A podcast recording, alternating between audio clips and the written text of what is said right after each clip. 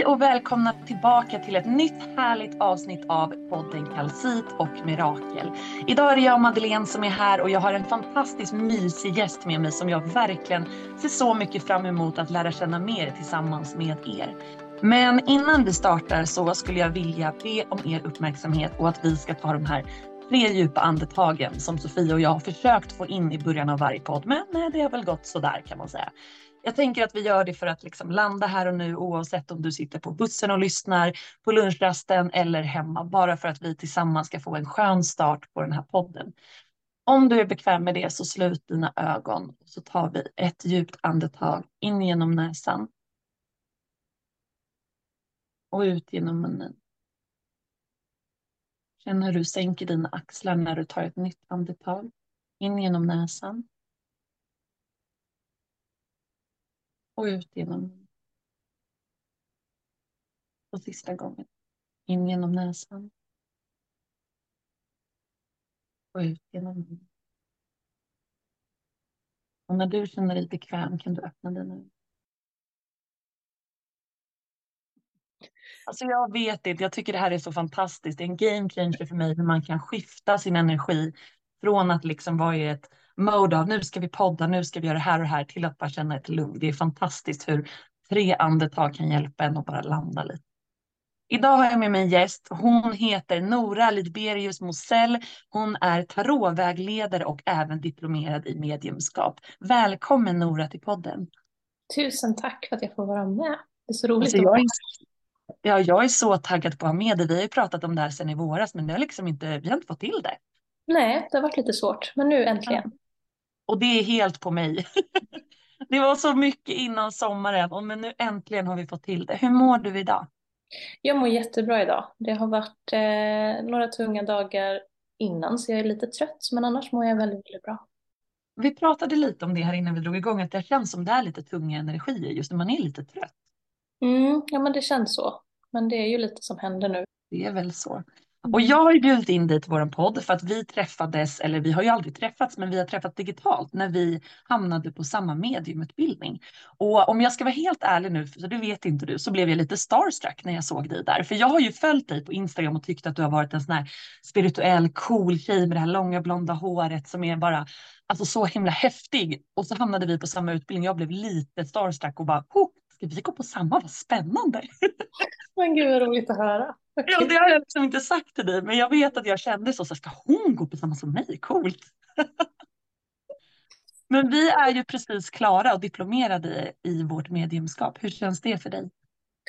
Eh, det känns jätteskönt. Det var, en, ehm, det var ett ganska tungt beslut för mig innan jag kom till insikten om att jag kanske behövde utveckla min mediala sida lite. Ehm, så att jag är väldigt trygg och väldigt nöjd just nu känner jag över att, den, att jag fått gå igenom utbildningen och att det känns så bra att jag lärde mig så mycket som, som jag gjorde. Så jag tycker att det känns fantastiskt. Vad härligt. Mm. Jag tänker att vi kanske kan komma tillbaka till det, men det jag framförallt har bjudit in dig för är ju för att prata om tarot. För du är ju tarot, tarotvägledare. Mm, och vad, vad, betyder det att vara tarotvägledare? Det är ju egentligen att man, eh, jag tar emot klienter både på distans och eh, i face to face verkligheten. Där man med hjälp av tarotkortlek då gör olika läggningar beroende på vilka frågor eller funderingar som kunden har och sen så får man svar via korten men också via andra sidan. Eh, när jag kopplar upp mig inför en läggning så är det inte alltid bara korten som pratar utan även eh, andra personer som kan vara med den här kunden som jag har eller så. Då. Och hur kom du i kontakt med det här med tarot från början? Alltså om vi spolar tillbaka tiden. Jag tänker, har du alltid varit spirituell? Eller det är väl alla, men har du liksom alltid känt att du haft den sidan? Eller var det någonting du upptäckte när du blev äldre? Eller hur har det varit för dig? Nej, det här är en sida som alltid har funnits för mig och jag får ofta frågan i sådana här sammanhang hur mitt andliga uppvaknande var och hur, hur det var för mig. För att det är många som har en väldigt tydlig bild av hur det går till när man upptäcker andligheten. Men för mig har det bara varit en röd tråd genom hela livet och sen eh, har jag lärt mig liksom mer saker om olika områden hela tiden. Så jag kan inte säga direkt att jag minns när jag kom i kontakt med det första gången eller hur det var, utan jag har alltid haft väldigt mycket fantasi. Min mamma har berättat väldigt mycket sagor för mig. Det har alltid varit lite magi som har funnits med. Det har aldrig varit den här skillnaden på övernaturligt och verklighet, utan det har liksom varit som en och samma värld egentligen. Och eh, kontakten med tarot, jag kan liksom inte säga när det var första gången, eh, men jag har ju, det började med att jag själv eh, fick kort lagda eh, från andra människor till mig. Och eh, under några sådana sektioner så var det flera av vägledarna som fick fram att jag var öppen och de tyckte att jag skulle börja jobba med tarot. Eh, lära mig känna, eller lära känna leken och sådär. Och eh, jag lyssnade på dem och hade väldigt lätt för att lära mig tarot. Och jag är en person som kan bli intresserad på ytan av saker. Jag kan ha väldigt många olika intressen och vara lite och pilla där och lite och pilla där, men aldrig att jag riktigt gräver ner mig i någonting speciellt mycket. Men tarot fastnade jag för direkt och fick en, jag brukar förklara det som att jag har en kärleksrelation till mina lekar. De är som en förlängning av mig. Och eh, jag fick höra väldigt mycket om att man inte ska bli rädd för när man börjar med tarot, att det är så mycket, och så stort, att det kan kännas svårt och att man kan ha svårt för att liksom sätta sig in i det. Men för mig gick det jättesnabbt och var väldigt naturligt. Um, och sen så fortsatte jag bara. Uh, jag la för mig själv först liksom och sen för vänner och bekanta och sen så var det fler som ville testa. Uh, har egentligen aldrig behövt göra speciellt mycket reklam för mig eller liksom visa mig utan folk hittar mig på något sätt. Eh, och det tycker jag är väldigt fint. Verkligen. Och vad fint att det har följt med. Det känns som att det har varit menat hela tiden. Liksom. Ja, men lite så. Men hur fungerar tarot? För jag har ju upptäckt eh, orakelkortlekar och det var mm. någonting jag tänkte liksom, ta med mig som en fråga idag. För jag har ju förstått lite grann, men jag tror att många kanske inte vet skillnader på just vad är skillnaden på en tarotkortlek och en orakelkortlek och varför skulle man ha det ena eller det andra? Jättebra fråga. Eh, och det är som sagt, jag tror inte det är så många som vet eller förstår Nej. och många som faktiskt lägger kort blandar också ihop begreppen ibland. Mm. Eh, och jag är en person som bara använder tarotkort. Jag har några orakellekar men jag använder dem nästan aldrig. Och jag ska göra det väldigt simpelt för att det, man kan liksom prata om det i timmar egentligen. Men en tarotkortlek ser alltid, den ska alltid ha samma innehåll. Det är som en vanlig spelkortlek. Vi har liksom, det finns eh, hjärter, rutor, klöver och spader. Det är likadant i en tarotlek att där har vi samma Namnen kan variera men det finns alltid samma element, det ska finnas samma typ av kort, det ska vara lika många kort. Och de här lekarna är uppbyggda på ett system. Det finns en stor och en liten arkana. Eh, de här talar om olika saker i livet eh, och den lilla arkanan är även indelad eh, i fyra olika grupperingar där också. Och de kan man väl likställa lite med den vanliga spelkortlekens sviter.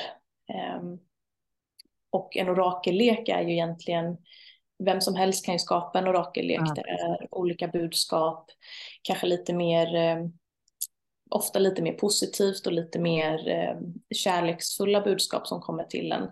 Tarot kommer ju med de budskapen man behöver höra och det är inte alltid det är jätteglatt och jättepositivt. Man kan säga att en tarotkortlek måste alltid följa en mall som finns för att få vara en tarotkortlek. Ja men precis. Eh, det finns liksom en, en fast struktur kan man väl säga för vad en tarotkortlek ska vara och vad den ska innehålla. Spännande, det var så jag hade förstått det också. Mm. Verkligen. Finns det något tips? Jag tänker om man vill börja med tarot, hur, hur skulle du säga att man liksom börjar ta sig an det? Finns det någon nybörjarlek som är enklare att ta sig till eller har du något tips? Ja, eh, det finns ju liksom ursprungstarotleken och den är ju uppbyggd på en speciell symbolik eh, där bilderna talar ett väldigt tydligt språk och de här symbolerna och det som finns i de här bilderna är ju menade att öppna våran intuition. Så att utan att vi tänker på det, så när vi tittar på de här bilderna så får vi till oss eh, budskap som finns gömda i korten. Och eh, det finns en tarotlek som heter Rider Smith eh, och den är den alltså grundkortleken, den ursprungskortleken som finns. Och jag rekommenderar verkligen att man börjar med den, för när man ska läsa på och lära sig om tarot så är det ofta den som man utgår ifrån. Okay. Och det finns jättemånga, alltså det finns ju en uppsjö av olika lekar och de, man kan ju tilltalas av olika, men man måste nästan vänta lite med det för att kunna förstå innebörden och djupet och också den sammanflätningen som finns genom hela leken. Eh, så skulle jag säga att man ska börja med Rider White just för att det är lättast att lära sig då. Jag tänker att det i dagsläget finns så mycket information att bara läsa på om. Det finns väl antagligen böcker och man kan googla och man kan se klipp på hur man kan lära sig om de alla olika korten antar jag. Ja, det finns ju hur mycket som helst. Eh, jag är ju helt självlärd när det gäller tarot.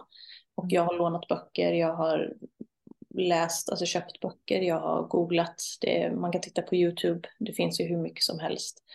Ehm, det tips jag kan ge är att man kanske ska försöka välja just i början att man väljer en och samma källa till korten. Ja. Så att man inte läser om lilla arkanan på någon hemsida, sen så har man någon bok och läser om stora arkanan, utan att man försöker hitta eh, samma kanal, för att då är det lättare att lära sig språket, för det är väldigt, väldigt mycket att sätta sig in i.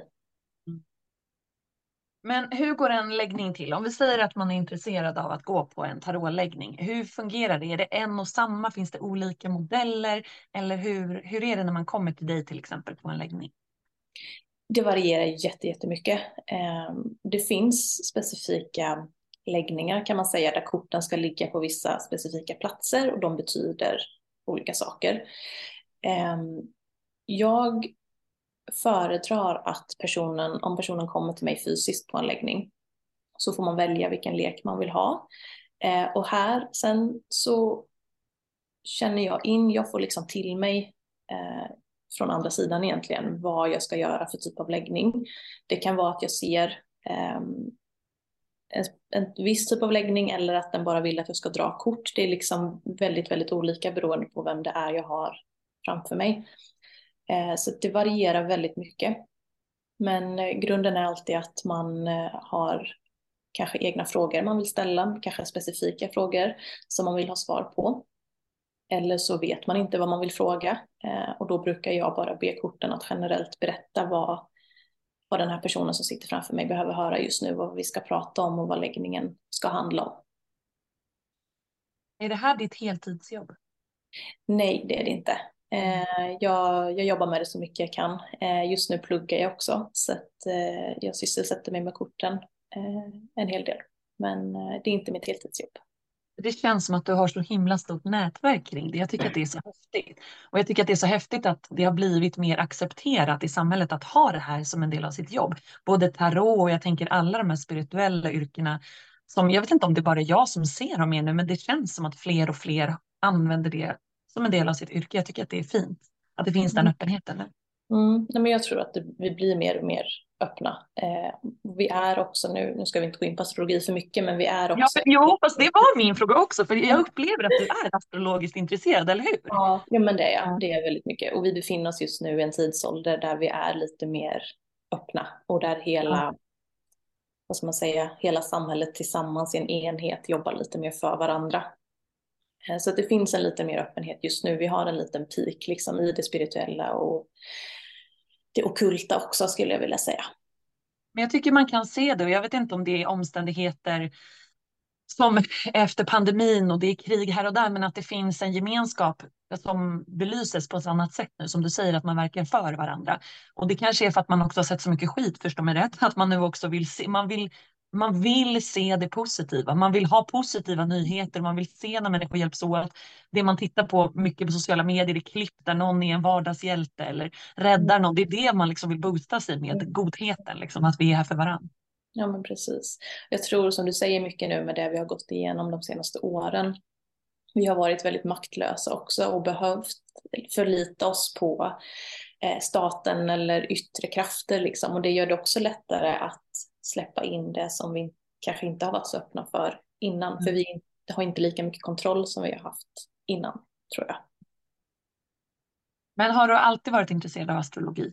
Och hur, liksom, hur använder du dig av ditt astrologiska intresse i din vardag? Följer du månfaser och liksom, hur använder du dig av det? Ja, eh, jag kan inte heller riktigt minnas när mitt astrologiska intresse började. Men jag vet att det har alltid funnits med i form av att man har läst sitt horoskop liksom i tidningen Ja. som många gjorde. Ehm, men sen blev det väl större och djupare när jag var runt 15-16 kanske. När jag började förstå att man inte bara hade ett soltecken utan flera andra eh, tecken också i sin chart och sådär. Det var väl då det började. Sen är jag... Det går lite i perioder hur mycket jag använder mig av astrologin, men just månfaserna följer jag väldigt strikt, eh, skulle jag väl nästan Hur, säga. mär- hur märker man det i din vardag? Hur Eh? Jag, jag planerar saker efter månfaserna. När jag Det är vet sant! Berätta mer, det där blir jag nyfiken på. Ja, men vi har ju, vi ska göra det lite simpelt så att man kanske känner att man kan våga testa det. Men vi Ja. har ju, jag, som liksom grund så kan man tänka att vi har två faser. Eh, vi har fler, men vi kan börja med två stycken där vi har eh, en nymåne som är någonting som håller på att växa. Och vi har en fullmåne som är någonting som har blivit full och sen ska dö. Det är så jag brukar se på det. Och i nymånefasen så brukar jag ägna mig åt saker som jag vill då ska växa tillsammans med månen. Eh, jag började till exempel plugga nu, det gjorde jag i en nymånefas. Det är ingenting man kan kontrollera, men det är sånt jag kollar upp för då vet jag att har jag energierna på min sida eller kommer det kanske vara lite tyngre liksom. Eh, nu var det en, en nymånefas jag började så att det var i en växande fas där jag vet att de fröna jag sår kommer ha energi med sig att växa sig starkare på ett enklare sätt för att vi växer tillsammans med månen. Och likadant då när vi har haft en fullmåne så är vi, då håller ju månen på att dö liksom. Den, det, det är ju en, en fallande energi och då kan man ägna sig åt saker man kanske vill göra sig av med, saker man ska avsluta. Eh, om man har en dålig relation eller om man ska säga upp sig. Att man kanske inte söker nytt jobb i fullmånen utan man ser till att få avslutet i fullmånen istället och sen söker man det nya jobbet i nymånen. Som sagt, allt kan vi givetvis inte styra själva i dagens samhälle, det funkar ju inte så. Men just om man har det, de sakerna man faktiskt kan lägga i, i olika tider i sitt eget liv, att man tänker lite på det. Och hur tänker du när du ser att månen påverkar oss? Liksom? På vilket sätt tror du att det hänger ihop?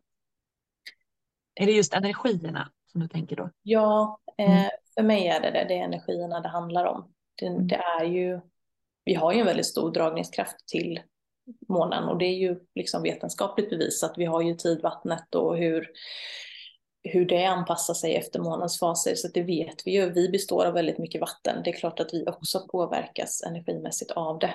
Det är liksom ingenting Det där är spännande för det läste jag bara häromdagen. Jag har inte riktigt, jag har, vet att vi påverkas av det och jag har läst och sådär men jag har inte förstått på vilket sätt. Jag förstår att vi påverkas av energierna men just det som du sa nu att vi består av mycket vatten och att vatten påverkas av månfaser. Mm. Då låter det plötsligt jättelogiskt. Mm, ja men det är ju det. det är, Ja. Och det är ju liksom, det här var ju vetenskap förr i tiden så var det ju, Mm. vetenskapsmän var ju tvungna att vara astrologer för att få hålla på med vetenskap, få kalla sig vetenskapsmän. Wow. Sen har vi glömt av det någonstans. Men eh, det är, för mig är månfasen en väldigt viktig del och någonting som underlättar väldigt, väldigt mycket i mitt liv liksom. Jag förstår det. Gör du även nymåneritualer, fullmåneritualer och sånt? Mm, det gör Ja. jag. Eh, det Har du något tips på hur man kan få till en enkel sån? För det där vet jag att folk tycker kan vara lite klurigt och jag tror att man ser det här stora framför sig, att man ska sitta ner i en halvtimme, en timme och man ska göra 50 saker, men det behöver inte vara så stort, eller hur? Absolut inte. Eh, och ibland har jag inte alltid tid, ibland har jag inte alltid lust när det är. Eh, jag kanske har haft en, liksom, en skitdag och så är det nymåne och så är det så här, oh, jag hade velat göra något stort men det, energin finns inte eller tiden finns inte. Då, alltså små saker man kan göra just i anknytning till det här att eh, avsluta och påbörja saker är ju att under nymånen bara skriva ner, ta två minuter och skriv ner ett mål du har som du vill ska växa med den här nymånen. Bara för att på något sätt ta in energin och faktiskt känna av att den finns där. Du behöver bara uppmärksamma den så kommer du snart att märka att den är med dig. Det kan vara så här, jag vill bli bättre på löpning. Jag vill gå på massage en gång i månaden. Då bokar du in massagen under nymånen. Det behöver liksom inte vara så mycket mer än så. Det kan vara så litet du bara kan. Att man lite manifesterar det man vill komma skall, liksom, för att få med Precis. sig de positiva energierna i det. Precis. Ja, jag tänker det är väl samma sak vid fullmåne. Eh, att man kan skriva ner, alltså vad vill jag släppa taget om nu? Mm. För att få med sig den energin till att kanske orka göra det. Mm. Och det är nästan det enda jag gör vid, eh, vid ny, eller fullmånen, det är att skriva ner saker jag vill släppa taget om eller saker som inte längre eh, fyller någon funktion för mig. Och sen gör jag eh, fullmånevatten. Åh, hur gör man det? Det? Jag ställer en karaff i eh, månljuset och vi bor ju i Sverige där det är väldigt molnigt. Månen behöver inte vara synlig eller synas utan energin finns ändå. Men eh, ställ en karaff antingen i fönstret eller utomhus om man har möjlighet till det. Fyll med vanligt vatten. Ehm, jag brukar sätta intentioner i vattnet. Ehm, vad jag vill att den här vattnet ska ge mig. Det kan vara precis vad som helst. Eh, oftast är det någonting relaterat till saker jag går igenom i livet. Men om vi säger för enkelhetens skull att det är att man vill avsluta en relation som kanske är eh, väldigt, väldigt dålig och man har svårt att släppa taget. Då kan man ju säga högt och tydligt när man gör sitt vatten att jag vill att det här vattnet hjälper mig att släppa den här relationen och vara stark nog att hålla avstånd till exempel. Ehm, sen kan man ju, om man har kristaller som man tycker passar det budskapet, kan man ju lägga dem i vattnet om de tillåter det. Eller lägga dem på om man har en försluten karaff. Och sen så får det stå i, i månljuset över natten. Och sen så dricker man det. Jag brukar ta en, ett litet shotglas bara varje morgon. Gud vad häftigt. Och vilket fint sätt också att påminna sig själv då när man dricker det senare om vad man faktiskt önskar för sig själv, tänker jag. Att det blir en påminnelse. Men det är just det, för då är det så, det blir bara ett tydligt avstamp i att just det, mm. jag ska inte ta kontakt eller den här personen är inte bra för mig. Ja, men det är lite på samma sätt som jag ser kristaller när man sätter en intention i dem. Att, eh, man, sätter en, man manifesterar någonting eller sätter en intention i att det här eh, men antingen välja en kristall som man bara dras till Eh, alternativt välja en kristall vars egenskaper verkligen matchar med det som man kanske står i just nu och vill ha vägledning eller liksom stöd snarare kring. Och att man sen bär med sig den kristallen i en kristallpåse eller ställer den någonstans hemma så blir det ju som en påminnelse av det som man faktiskt har manifesterat. Om det då handlar om att man ska uppnå någonting eller jag vill söka det där jobbet så blir det som en påminnelse på att just det, jag vill ju verkligen det. Mm. Att man liksom påminner sig själv om det och får med sig den energin. Så det låter mm. ju som lite samma. Ja, men det är exakt samma sak. Eh man materialiserar ju på något sätt sin, sina känslor och sina tankar och gör dem till någonting fysiskt kan man säga. Du berättar här om kristaller. Använder du dig också av kristaller i allt det här med tarot och vägledning och så? Mm. Eh, jag använder kristaller. Det är inte jättemycket just i tarot. Där har jag några specifika. Eh, jag använder alltid selenit för att eh, rena mina lekar och eh, mig själv inför en, en läggning. Sen kan jag också om en person kommer till mig och jag får in väldigt eh, tunga eller jobbiga eller stressade energier, då kan jag kanske välja att plocka fram kristaller som jag tycker bidrar med att liksom eh, sänka eller jämna ut de här energierna lite. Eh, så det, sen använder jag ofta en pendel om eh, personen inte vill välja lek själv. Eller om jag gör en läggning på distans, då har jag en pendel i bergskristall som jag frågar om vilken lek jag ska använda i den specifika läggningen. Wow. Mm. Vad fint. Det mm. låter ju som att allt det här liksom hänger ihop. Både det här mediala med astrologin, med tarotkorten, energier, kristaller. Mm. Känner du liksom, precis som du beskrev i början, att det här är den här röda tråden som du har känt alltid?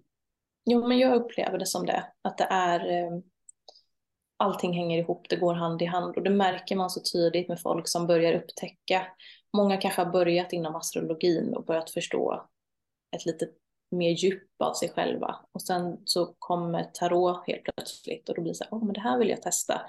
Och sen så, åh det finns kristaller, alltså det är hela tiden, det byggs på, kanske för att man har en kunskapstörst men också för att man nog finner lite trygghet och stöd i de här processerna och i att lära sig de här sakerna.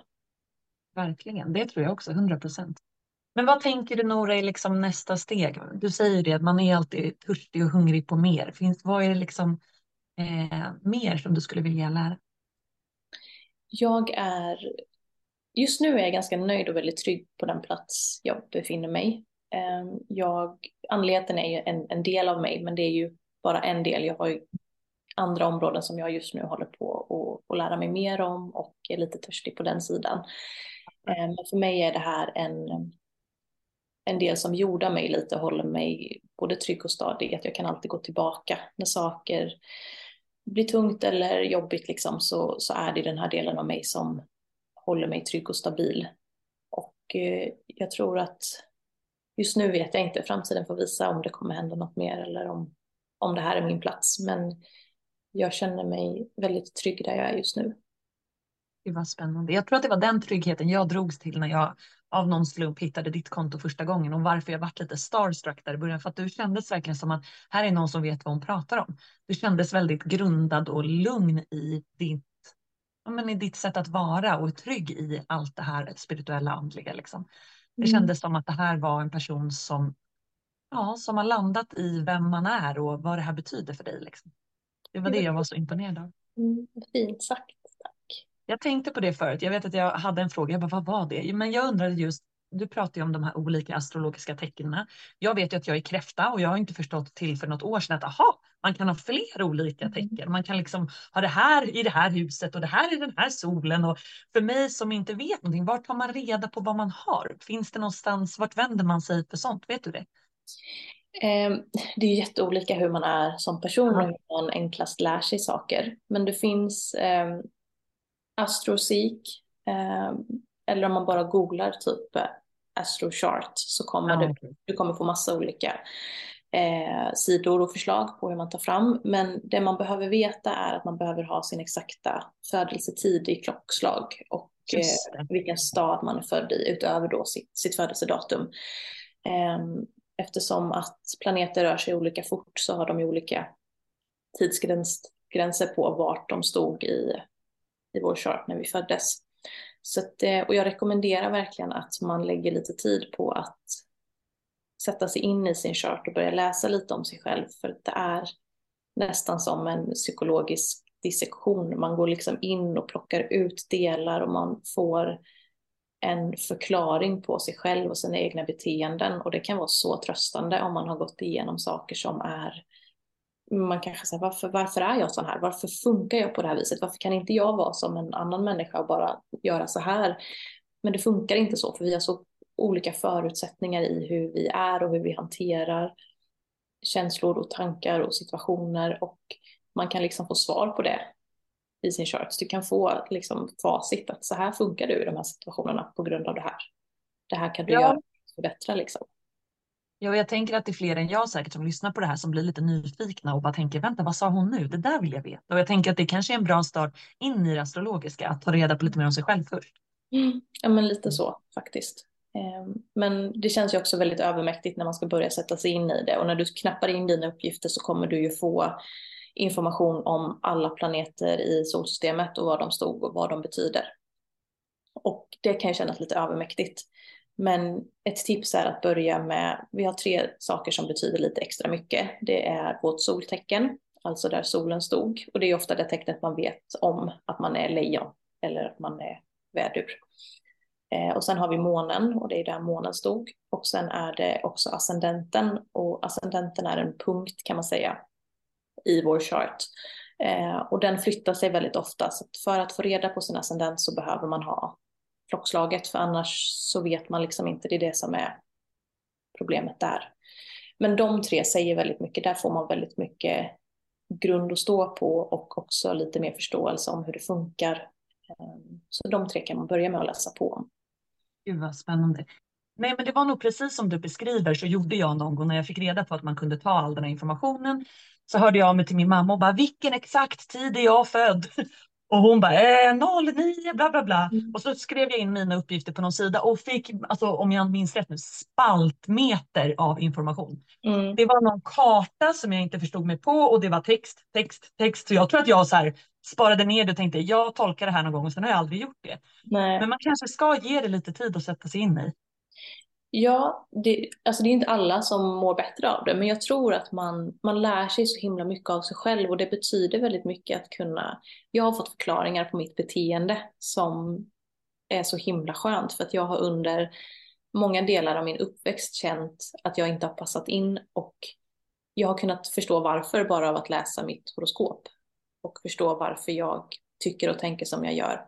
Jag har också haft problem med eh, känslan av att jag inte räcker till, att jag ska göra fel, att folk hela tiden tror att jag gör fel.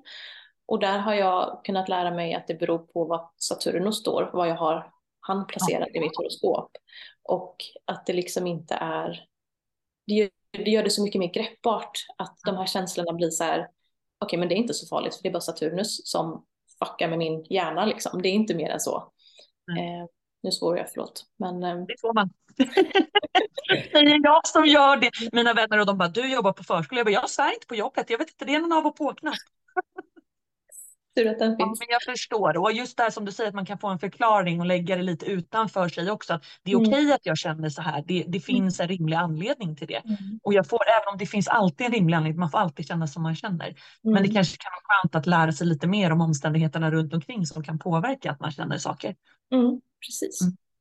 Gud vad fint. Ja, jag blir jättenyfiken och jag som verkligen har sett astrologi som något stort och mäktigt som jag är så här, och jag är inte jättenyfiken men jag blir lite nyfiken nu, mm. verkligen. Ja, och man behöver inte göra det så stort heller. Alltså man, man kan ju faktiskt välja vilka delar man vill lägga tid och energi på. Sen när man har lärt sig en sak så blir man ju ofta mer nyfiken och då blir det ju att man gräver vidare ändå. Men eh, det behöver inte vara så stort. Det räcker med... Jag tänker som du beskriver den här känslan av att känna sig lite annorlunda. Är det någonting som, alltså hur har du blivit bemött kring din spiritualitet genom livet? Har du upplevt att den har sett som så här, oj, vad är det där? Eller har du liksom haft människor omkring dig som har haft samma intressen och liksom sett på det på samma sätt som du? Nej, det har jag väl inte haft riktigt. Eh, jag har givetvis mina nära vänner, de är intresserade och så, men det är kanske inte samma brinnande intresse eller kunskap som jag har på det viset. Eh, men sen har väl jag turen av att vara personlighetstypen som inte bryr mig så mycket. Att mm. just när det gäller mig själv och vem jag är som person så får folk tycka och tänka lite vad de vill. Det kunde jag inte bry mig så mycket mer om. Men jag tror att jag har haft en fördel i att min familj och min uppväxt har varit väldigt trygg rent generellt. Att man, vi har alltid varit fria att vara vilka vi vill och göra vilka saker vi vill, vad den hade handlat om. Um, så hade man aldrig blivit dömd. Och jag tror att den friheten gör att man blir mindre rädd sen för att komma ut med sådana här saker. Sen är det klart att det fortfarande kan vara jobbigt när man träffar nya människor och den här sidan kommer fram eller man känner sig att nu måste någon nästan säga någonting liksom. Eh, Men hur gör du då? Är du en sån som jag som tyvärr skojar lite om det då? Jag är lite hokus pokus, du vet sådär intresserad. Eller är du då så här, nej men jag är utbildad inom det här och det är jag. För du känns lite mer ja, trygg. Ja, men jag är nog lite mer sån att eh, vi, vi, kan ta systrarna tarot som exempel. När jag skulle dit och göra läggningar så var vi, kvällen innan så var vi på en, en middag och jag skulle upp tidigt dagen efter för jag skulle åka till systrarna Tarots eh, invigning av deras butik och sitta där och göra eh, tarotläggningar åt kunder. Eh, och jag ville ju inte dricka någonting och jag ville ju gå hem lite tidigare för att jag skulle upp tidigt. Och eh, får då frågan, men vad ska du göra imorgon? Eh, och så, ah, nej, men jag... Och det här var människor som jag inte har träffat. Eh, det var några jag kände och några jag absolut inte kände. Man vet ju heller inte vad de är för typ av människor. Nej, exakt. Eh, men då så tycker jag att det är enklare att bara säga, ah, nej men jag ska, jag, jag lägger tarot och imorgon ska jag åka till en butiksinvägning och sitta på plats och göra läggningar åt folk. Och då blir det ju väl givetvis massa följdfrågor, men oftast är det så här, jaha, vad är det för någonting? Eller vad kul. Alltså jag har ju aldrig varit med om att någon är så här, alltså att det blir konstig stämning eller att mm. någon säger någonting elakt eller så. Eh, utan oftast är det ju bara ett intresse. Och folk frågar saker och är nyfikna. Eh, och oftast är det någon som är så ah, nej men vad coolt. Det, vi är ju olika liksom. Och så är det inte mer med det. Men eh, det är klart, det, det är en speciell känsla när man liksom ska droppa bomben. Eller hur? Varför känns det alltid som en bomb? ja, jag vet faktiskt inte. För jag förstår och vi har pratat lite om det i podden, därför tänker jag att det är intressant att fråga. För att jag jobbar på den sidan med mig själv. Mm. För att när det kom, och framför allt, jag vet inte, det är lite jobbigt när det är så barnens kompisars föräldrar. Jag vet inte varför den är jobbig. Jag tror att de, jag är lite orolig att de ska tycka så här, okej, okay, vad händer där hemma för flummigt? Typ så. Men det har liksom aldrig hänt att de har sagt så, utan snarare så här, jaha.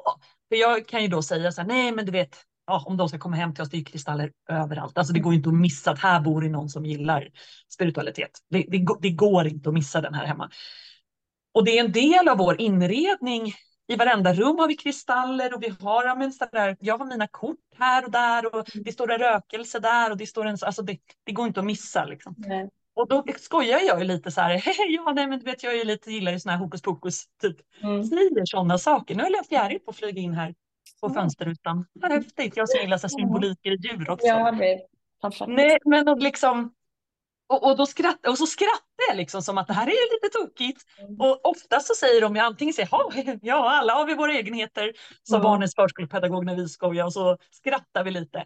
Men mm. oftast, och jag menar, hon var ju öppen för det också, så här, tyckte att ja vad kul, det här är mitt intresse att börja berätta om sitt. Men ofta så är det ju att folk säger ja, nej, men jag har en kollega som också älskade kristaller och, och du vet, jag har träffat en eller vad innebär det? Berätta mer. Och det vi har pratat om lite i podden är just att så här, om det ska bli okej okay, på ett helt annat sätt. För jag kan ju finna en frustration i att jag vill vidareutbilda mig. Det finns jättemycket saker jag vill göra, men alla de här spirituella utbildningarna, alla mm. de här utbildningarna till kanske hälsocoach, alltså de här som inte är akademiska, nej men de får man inget CSN för. Nej. De får man ingen hjälp att gå, utan det är bara liksom om du vill plugga matematik, tandsköterska, ja du vet. Mm. Och om vi någonstans ska komma till att det finns andra sätt att också arbeta, andra sätt att utbilda sig, andra sätt att vara och tycka om och att de här intressena och den här ja, men sättet att leva i sin vardag på ska bli normaliserat ännu mer och inte ses som lite tokigt. Då måste ju vi också lägga fram det som att det här är inte tokigt, för det är ju vi som ska stå för mm. att det här är en vettig grej. Liksom, förstår du lite vad jag menar? Mm, ja men absolut, och det är, det är faktiskt väldigt viktigt hur vi presenterar det för andra också och visar kanske att det inte är en konstig grej. Eller det är liksom inget vi ska skratta åt egentligen. Men gud nej. Men det blir det, ja det är svårt att ta, liksom hur man ska hantera situationerna. Det är ju svårt och hur man är som person. Det är ju, många får ju en chock när jag berättar om det för jag är det som man ser av mig utåt sett är en väldigt sportintresserad idrottstjej. Jag håller på mycket med, med träning och hälsa och det är det jag utbildar mig inom också.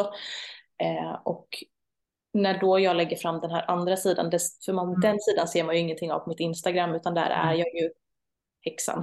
Liksom.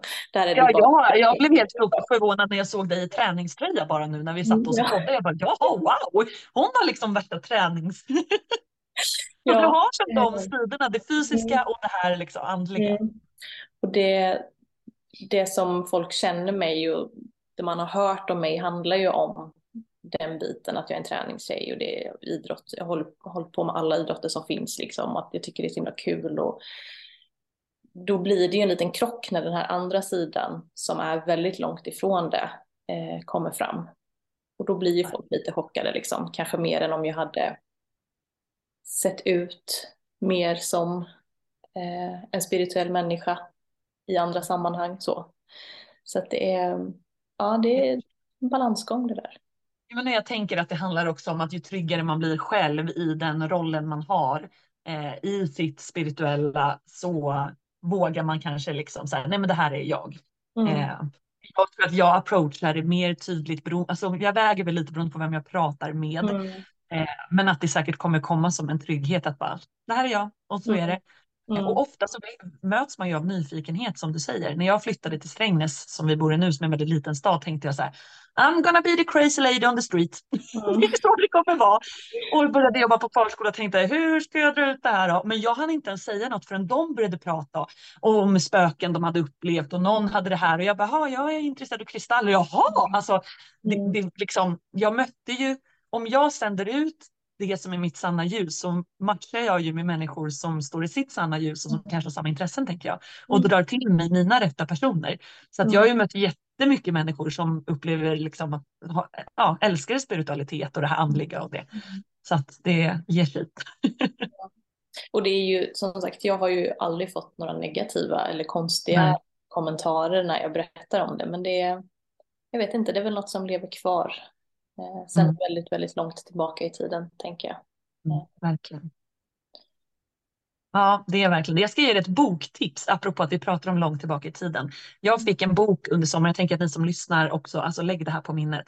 en av mina bästa tjejkompisar säger till mig, du måste läsa den här boken. Den handlar mycket om sådär kvinnohistoria och med lite magi och det här. Och jag läste om boken på någon Bokus Adlibris någonting och tänkte, ah, lät inte som min typ av bok. Men sen fick jag boken av min bästa tjejkompis när hon har läst klart den. Hon bara, läs den här. Den heter Älvornas, Älvornas kulle och den är helt fantastisk.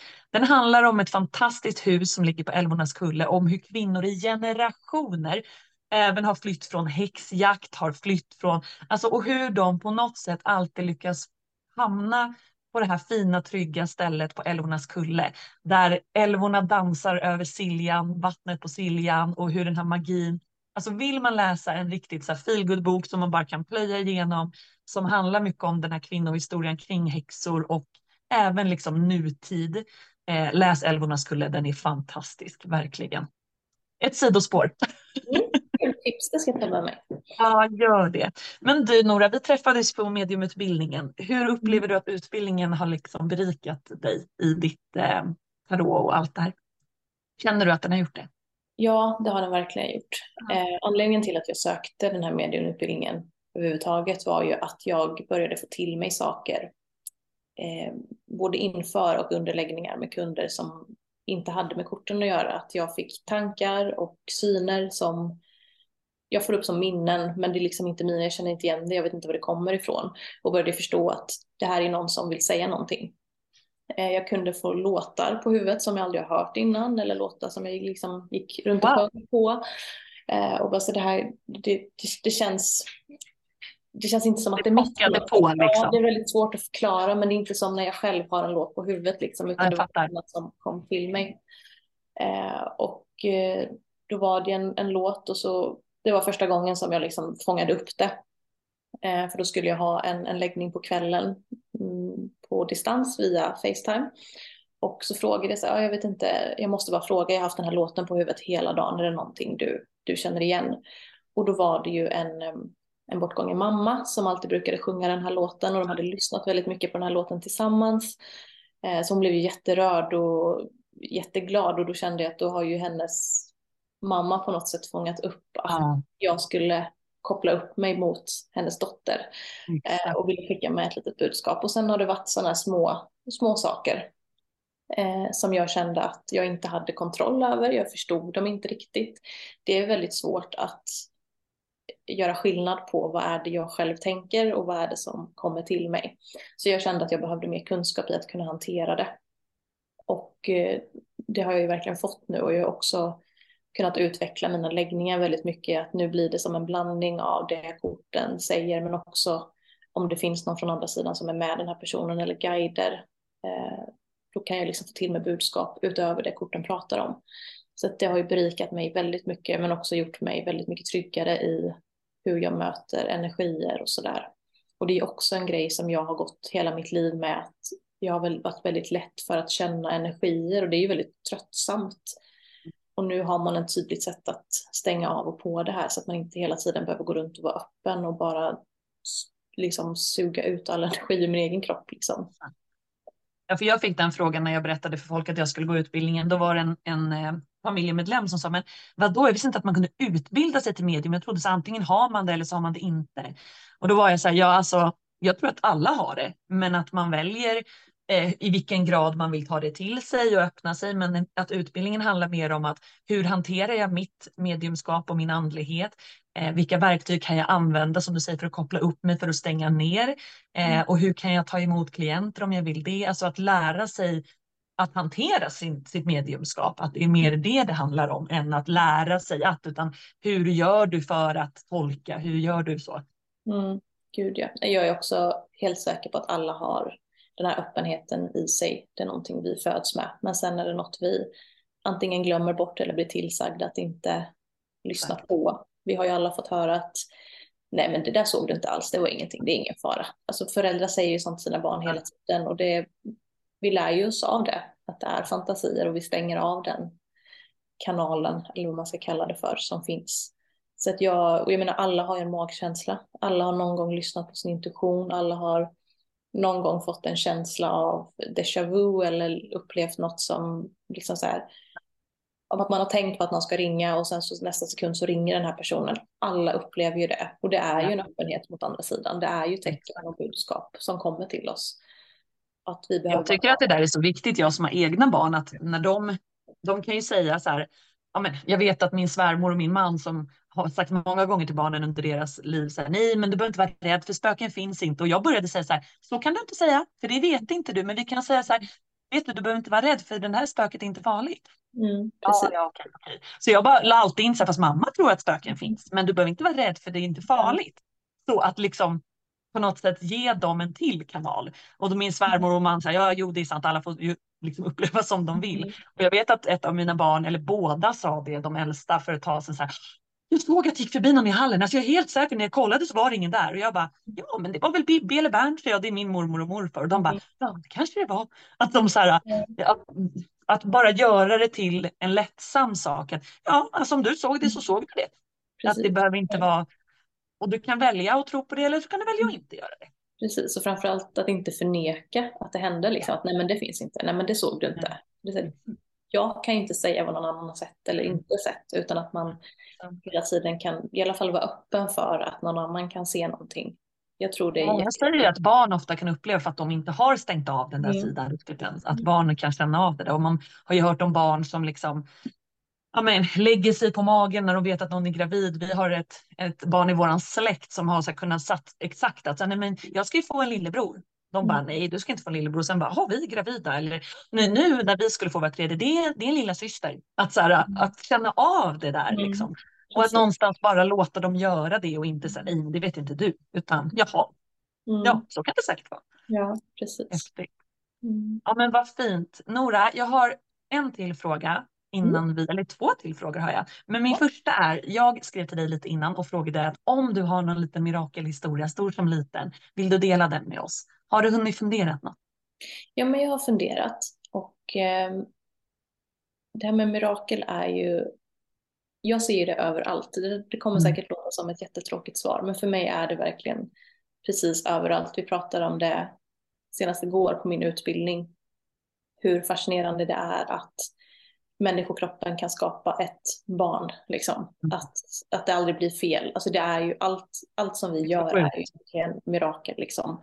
Hur vi ja, hur vi tar oss igenom livet och hur vi överlever vissa situationer. Och jag har själv aldrig varit med om någon specifik händelse som jag skulle vilja kalla för ett mirakel. Men jag tycker att man kanske ska börja se på det som vi idag ser som väldigt simpla saker som mirakel. För att det är när man börjar tänka på världen och hur, hur allting fungerar, hur vi är här, där vi är, så blir man ju nästan, det är nästan så ofantligt stort att man inte kan ta in det.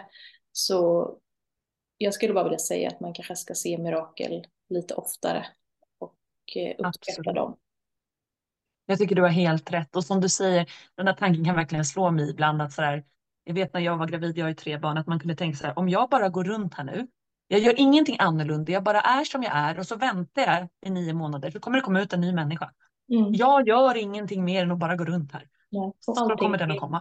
I människan. Den har lungor, den har en magsäck, den har ögon. Alltså det är, ja. det är så fascinerande.